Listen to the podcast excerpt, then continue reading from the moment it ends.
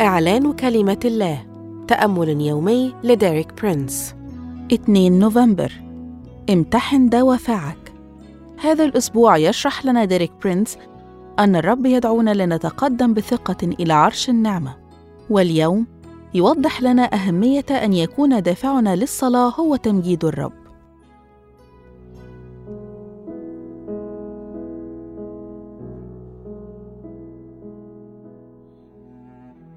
عندما نقترب من عرش النعمة طالبين من الله احتياجات معينة دعونا ننظر في شرط هام ألا وهو دوافعنا.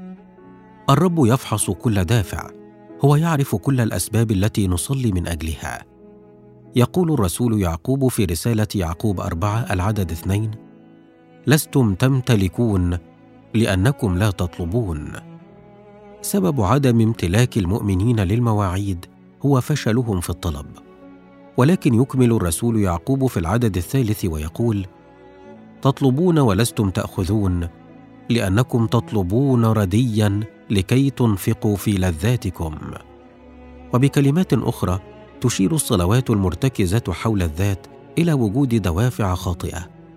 فنحن نصلي لأننا نريد أن نحصل على بعض وسائل الراحة والرضا الذاتي أو الطرف. ولكن ما هو الدافع الصحيح للصلاة؟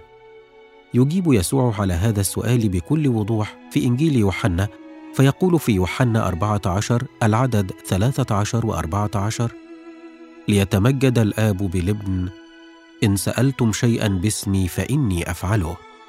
هذا هو الدافع وراء الصلوات التي يستجيب لها الرب. يجب أن يكون هدف صلواتنا أن يتمجد الآب من خلال يسوع المسيح.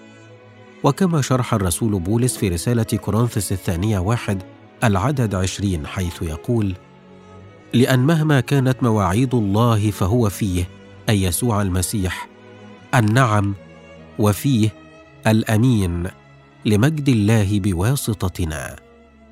الغرض الأساسي من المطالبة بمواعيد الرب هو أن يتمجد الرب من خلال الاستجابة لهذه الوعود. وعندما نطلب المزيد والمزيد من وعود الرب نمجده أكثر وأكثر. وكلما فشلنا في المطالبة بوعود الرب فشلنا في تمجيده. الشخص الذي يمجد الرب أكثر هو الشخص الذي يطالب بوعود الرب في المسيح أكثر من أي طلبات أخرى. الدافع المقبول عند الرب هو الدافع الذي يطلب استجابة للصلاة ليتمجد الرب. وهذه الصلوات يجب أن تقدم باسم ابنه يسوع المسيح. أشكرك يا رب لأني أستطيع أن آتي إليك بجرأة وأعلن أن دوافعي للصلاة هي أن يتمجد الرب من خلال يسوع المسيح عند الاستجابة لصلواتي وأني سأتقدم لعرش النعمة. آمين. للمزيد من الكتب والعظات لديريك برينس قم بزيارة موقعنا dpmarabic.com.